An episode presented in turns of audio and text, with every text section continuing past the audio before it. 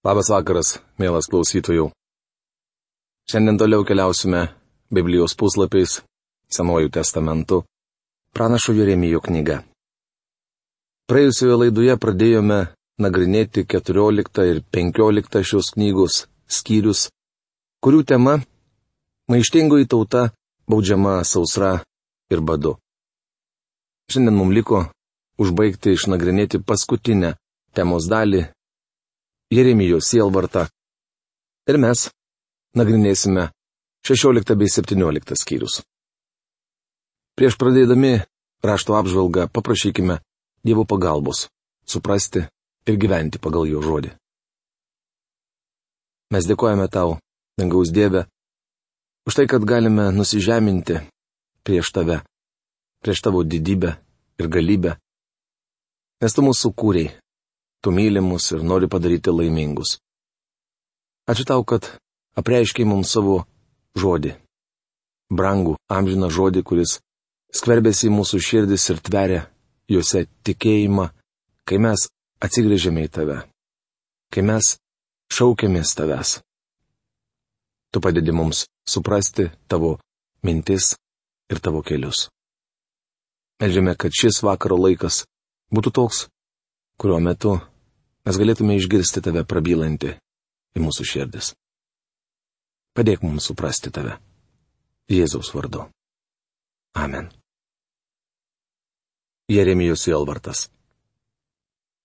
Akivaizdu, kad skelbdamas šią žinę vargšas Jeremijas netapo populiaresnis. Kaip jau esu sakęs, karalius Jošijas buvo pranašo bičiulis, Tačiau apie Jehojakimą to pasakyti negalima, nes jis buvo nedoras žmogus. Jeremijas karaliui buvo tarsi musė kvapnėme aliejuje. Jie šį pranašą laikė nesantaikos kurstytojų. Nors Jeremijas buvo verkintis pranašas, turėjęs skelbti labai nemalonę žinę. Jis turėjo puikų humoro jausmą.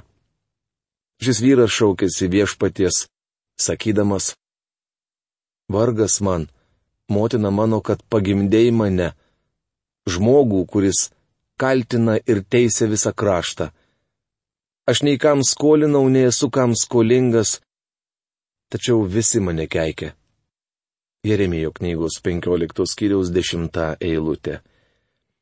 Jeremija sako, niekas manęs nemėgsta. Aš neskolinu pinigų, ketindamas pasipelnyti, ir nesu niekam skolingas, tačiau visi mane keikia. Dar ir šiandien sakoma, jei nori prarasti draugą, paskolink jam pinigų. Man teko matyti, kaip skola išskiria tikinčius draugus. Prisimenu, kaip vienas vyras paskolino pinigų savo bičiuliui, sumaniusiam greitai pasipelnyti. Tačiau atsitiko taip, kad tasai prarado visus pinigus ir negalėjo gražinti skolos. Tai išardė jų draugystę ir sugadino tarpusavio santykius. Taigi, jei turite per daug draugų, pradėkite skolinti jiems pinigus. Jeremija sako, niekas nenori bendrauti su manimi, tarsi visi būtų man skolingi. Tokią sunkę valandą pranašas ieškojo pagodos Dievo žodyje. Kaip žinote, kunigas Hilkijas jau buvo radęs šventykloje viešpaties įstatymo knygą. Aišku, kad Jeremijui ji buvo prieinama. Gavęs tavo žodžius, juos ryte prarijau. Tavo žodis atnešė man džiaugsmą ir širdies linksmybę, nes aš tapau tavo viešpatie galybių dievę. Jeremijo knygos 15 skiriaus 16 eilutė. Kaip matome, pranašas paguoda rado Dievo žodyje. Jeremijas ryte rijo viešpatie žodžius ir jie tapo jo esybės dalimi. Mielas bičiuli, mums taip pat reikia pasinerti į Dievo žodį. Turėtume ne tik išmokti mintinai kelias eilutes ar išmanyti kelis skirsnelius, bet ryte jį ryti, kad tai taptų mūsų esybės dalimi. Tuomet mes kaip ir Jeremijas patirsime džiaugsmą ir širdies linksmybę. Tai mums gali duoti tik Dievo žodis. Mums parašė vienas vyras, kuris pradėjo klausytis mūsų radio laidų, kai nagrinėjome laišką Galatams. Jis išgirdo vieną vienintelį žodį tėvas ir tai prikaustė jų dėmesį. Nėra jokių abejonių, kad Dievas ir šiandien naudoja savo žodį. Jeremijo padėtis buvo iš tiesų sunki. Prisiminkite, kad jo gimtojo miesto gyventojai atstumė jį ir net ketino jų atsikratyti. Pranaša atstumė jo paties namiškiai. Jeremijo gyvybei grėsė rimtas pavojus. Tuomet padarysiu tave šiai tautai tvirtų vario mūrų, nors jie ir puls tave, tavęs neįveiks, nes aš esu su tavimi, kad tau padėčiau ir tave gelbėčiau. Tai viešpatė žodis. Išgelbėsiu tave iš nedorelių rankų, iš negailestingų nagų tave išvaduosiu. Jeremijo knygos 15 skyriaus 20-21 eilutės. Dievas sako, drąsiai stovėk ugnies arba kovos linijoje, aš tave saugau. Jeremijo knygos 16 ir 17 skyriai tema - Dievas uždraudžia Jeremijui vesti. Skaitydami šią knygą matome, kad situacija Judo karalystėje darosi vis sudėtingesnė. Judo tauta artėja prie liepto galo. Mano apskaičiavimu, tuo metu iki Jeruzalės sunaikinimų buvo likę vos dešimt metų. Mane pasiekė viešpatie žodis. Neimk savo žmonos ir neturėk nei sunų, nei dukterų šioje vietoje, nes viešpats taip kalbėjo apie sūnus ir dukteris, kurie gimšioje vietoje, ir apie motinas, kurios juos pagimdys, ir apie tėvus, iš kurių jie gims šiame krašte. Jie mirs baisia mirtimi. Nepraudoti ir nepalaidoti jie gulės kaip mėšlas dirboms trešti. Jų lavonais mis padangių paukščiai ir laukų žvėrys. Jeremijo knygos 16 skyriaus 1-4 eilutės. Dievas parodo Jeremijui siaubingą judo karalystės ateitį. Jis sako pranašui neimti savo žmonos. Manau priežastis akivaizdi. 137 psalmėje, kuri buvo parašyta po tautos paėmimo į Babilonijos nelaisvę, aiškiai matome, ką tomis siaubingomis dienomis teko iškesti vaikams. Dviejose paskutinėse eilutėse rašoma, kad Babilonas bus sunaikintas ir jų priešai darys su jais tą patį, ką jie darė judo žmonėms. Dukterie Babilonija griovikė. Laimingi bus, kurie atmokės tau už mums padarytą piktą. Laimingi, kurie paims tavo mažylius ir teikš juos į uolą. Prašoma 137 psalmės 8-9 eilutėse. Nebukadnecarų užėmus Jeruzalę, užkariautojai pačiupdavo mažylius ir teikždavo jų galvas į uolą. Dievas patarė Jeremijui neimti savo žmonos, nes norėjo apsaugoti jį nuo baisaus sielvarto. Aš dažnai mastau apie dabartinę situaciją ir galvoju, kad kartais vaikams geriau negimti, Žvelgiu į savo vaikaičius ir man norisi verkti. Galbūt jiems teks gyventi siaubingais laikais, todėl melžiuosi už juos ir prašau viešpati juos apsaugoti. Apie tai galima kalbėti ilgai, bet aišku viena. Kartais geriau vaikų negimdyti. O štai linksmesnė gaida. Tačiau štai ateina dienos, tai viešpatie žodis, kai nebebus sakoma, kaip gyvas viešpats, kuris išvedė Izraelitus iš Egipto žemės, bet mieliau bus tariama, kaip gyvas viešpats, kuris išvedė Izraelio vaikus iš šiaurės krašto ir iš visų kraštų, kuriuose buvo juos išblaškęs. Parvesi juos atgal į jų žemę, kurią daviau jų tėvams. Jeremijo knygos 16 skyriaus 14-15 eilutės. Šiuo tamsiu judo istorijos laikotarpiu Dievas leido Jeremijui išvysti nuostabę ateitį. Jis tarsi žvelgia į tamsų ateities tunelį ir kitame jo gale mato šviesą. Įdomu, kad pranašų knygose šis reiškinys nuolat kartojasi. Net gudžiausioje tamsoje pranašai regėjo būsimąją šviesą. Be to, kuo didesnė buvo tamsa, tuo ryškesnė buvo toji šviesa. Dievas sako, jog vieną dieną sugražins savo tautą iš tremties į jiems priklausantį kraštą. Tad žiūrėk, aš juos pamokysiu, visiems laikams jiems parodysiu savo ranką ir savo galybę, kad jie žinotų, jog mano vardas yra viešpats. Jeremijo knygos 16 skyriaus 21 eilutė. Manau, Dievui teks pamokyti ir mūsų tautą, jog jis yra viešpats. Regis mes nesuprantame, kad danguje yra Dievas. Tik bijau, kad jis praneš apie save labai įtikinamai. Nevedusio pranašo žinia. Judo nuodėmė įrašyta geležinė plunksna, įrėžta deimanto antgalių, jų širdies plokštėje ir jų altorių raguose.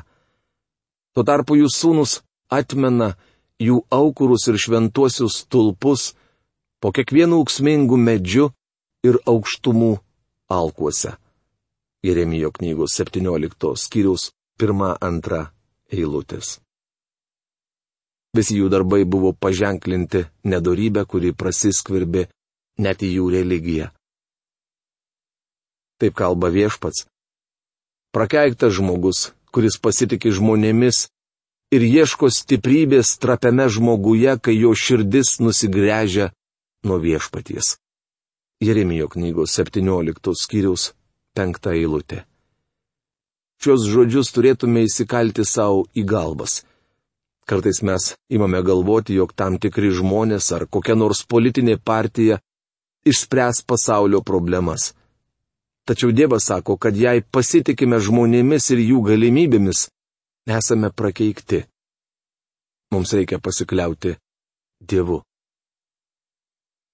Laimingas žmogus, kuris pasitikė viešpačiu, kurio viltis tik viešpats. Jeremijo knygos 17 skyriaus 7 eilutė. Jei pasitikėsime juo, būsime palaiminti.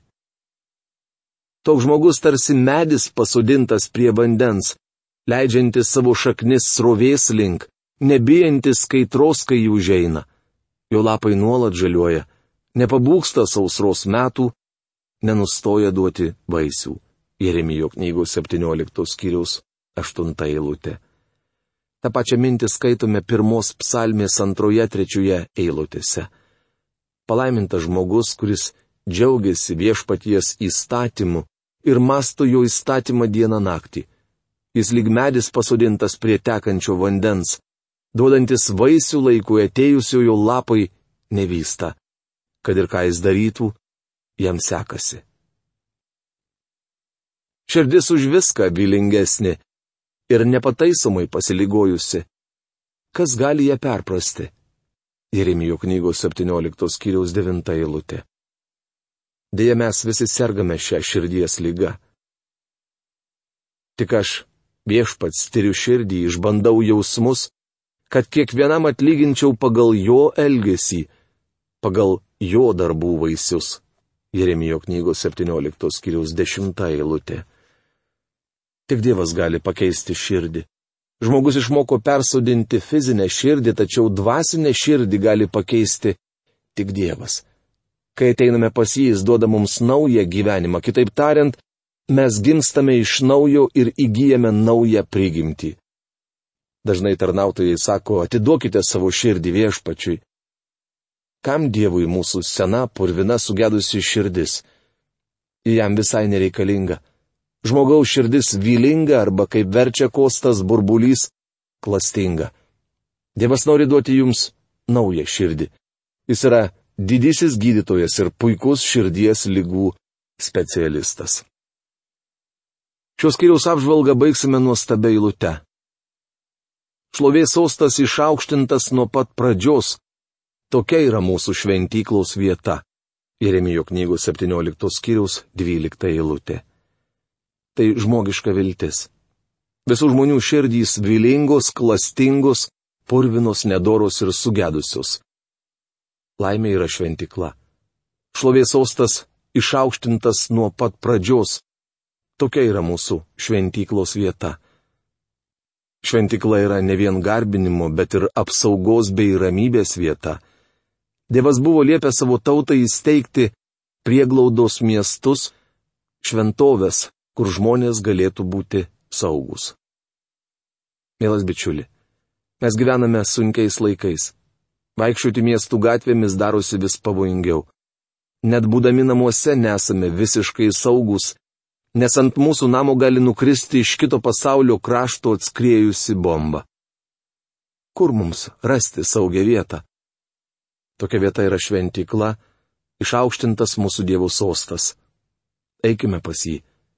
Tik čia mes galime būti visiškai saugus. Dievas kviečia mus ateiti. Laiškė hebrajams 10 skyriuje nuo 19 iki 22 eilutės skaitome. Taigi, broliai, dėl Jėzaus kraujo įgavę pasitikėjimo įžengti į šventovę, naujų ir gyvų kelių, jo atvertų mums pro uždangą, tai yra per jo kūną. Turėdami didį kunigą Dievo namams, ateikime su tyra širdimi ir giliu tikėjimu. Jeremijo knygos 18 ir 19 skyriai. Tema - Ženklas puodžiaus dirbtuvėje. Dabar mes draugės su Jeremiju apsilankysime puodžiaus dirbtuvėje. Rafinuotėms žmonėms nuodėmės užkietintomis širdimis sunku išgirsti Dievo žodį. Ta Dievas parodys judo tautai ženklą, o mums su jumis duos vaizdingą pamoką. Jeremija pasiekė viešpaties žodis. Kelkis ir eik į podžiaus dirbtuvę.